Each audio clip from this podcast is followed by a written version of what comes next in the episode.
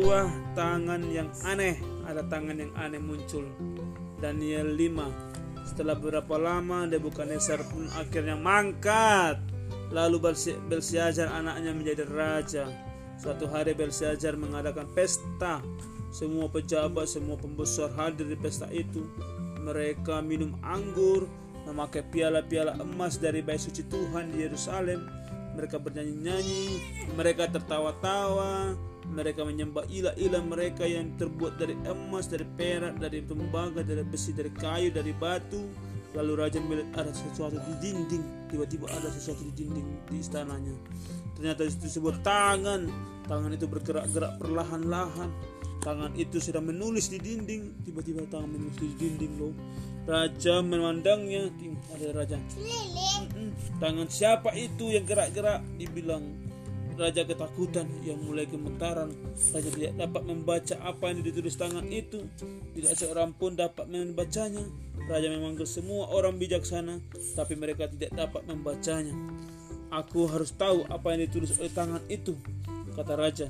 Cari seorang untuk bisa membacanya. Aku akan memberinya sebuah berantai emas murni dan aku akan mengangkatnya sebagai pemimpin ketiga di kerajaan ini. Lalu raja teringat kepada Daniel. Raja berkata, ada seorang yang mempunyai hikmat yang kebijaksanaan yang luar biasa dari Allah. Dia menjadi orang yang bijak bagi raja. Siapa itu? Oke Daniel. Dia jadi seorang panggil dia dibilang. Akhirnya Raja Daniel pun dipanggil. Kemudian katanya, Daniel, ia dapat membaca apa yang di- ditulis oleh tangan itu. Lalu mereka memanggil Daniel.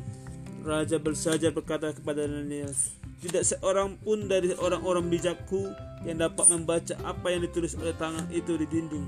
Jika engkau dapat membacanya, aku akan memberimu sebuah rantai emas yang murni dan aku akan mengangkatmu menjadi pemimpin di negeri ini, orang ketiga.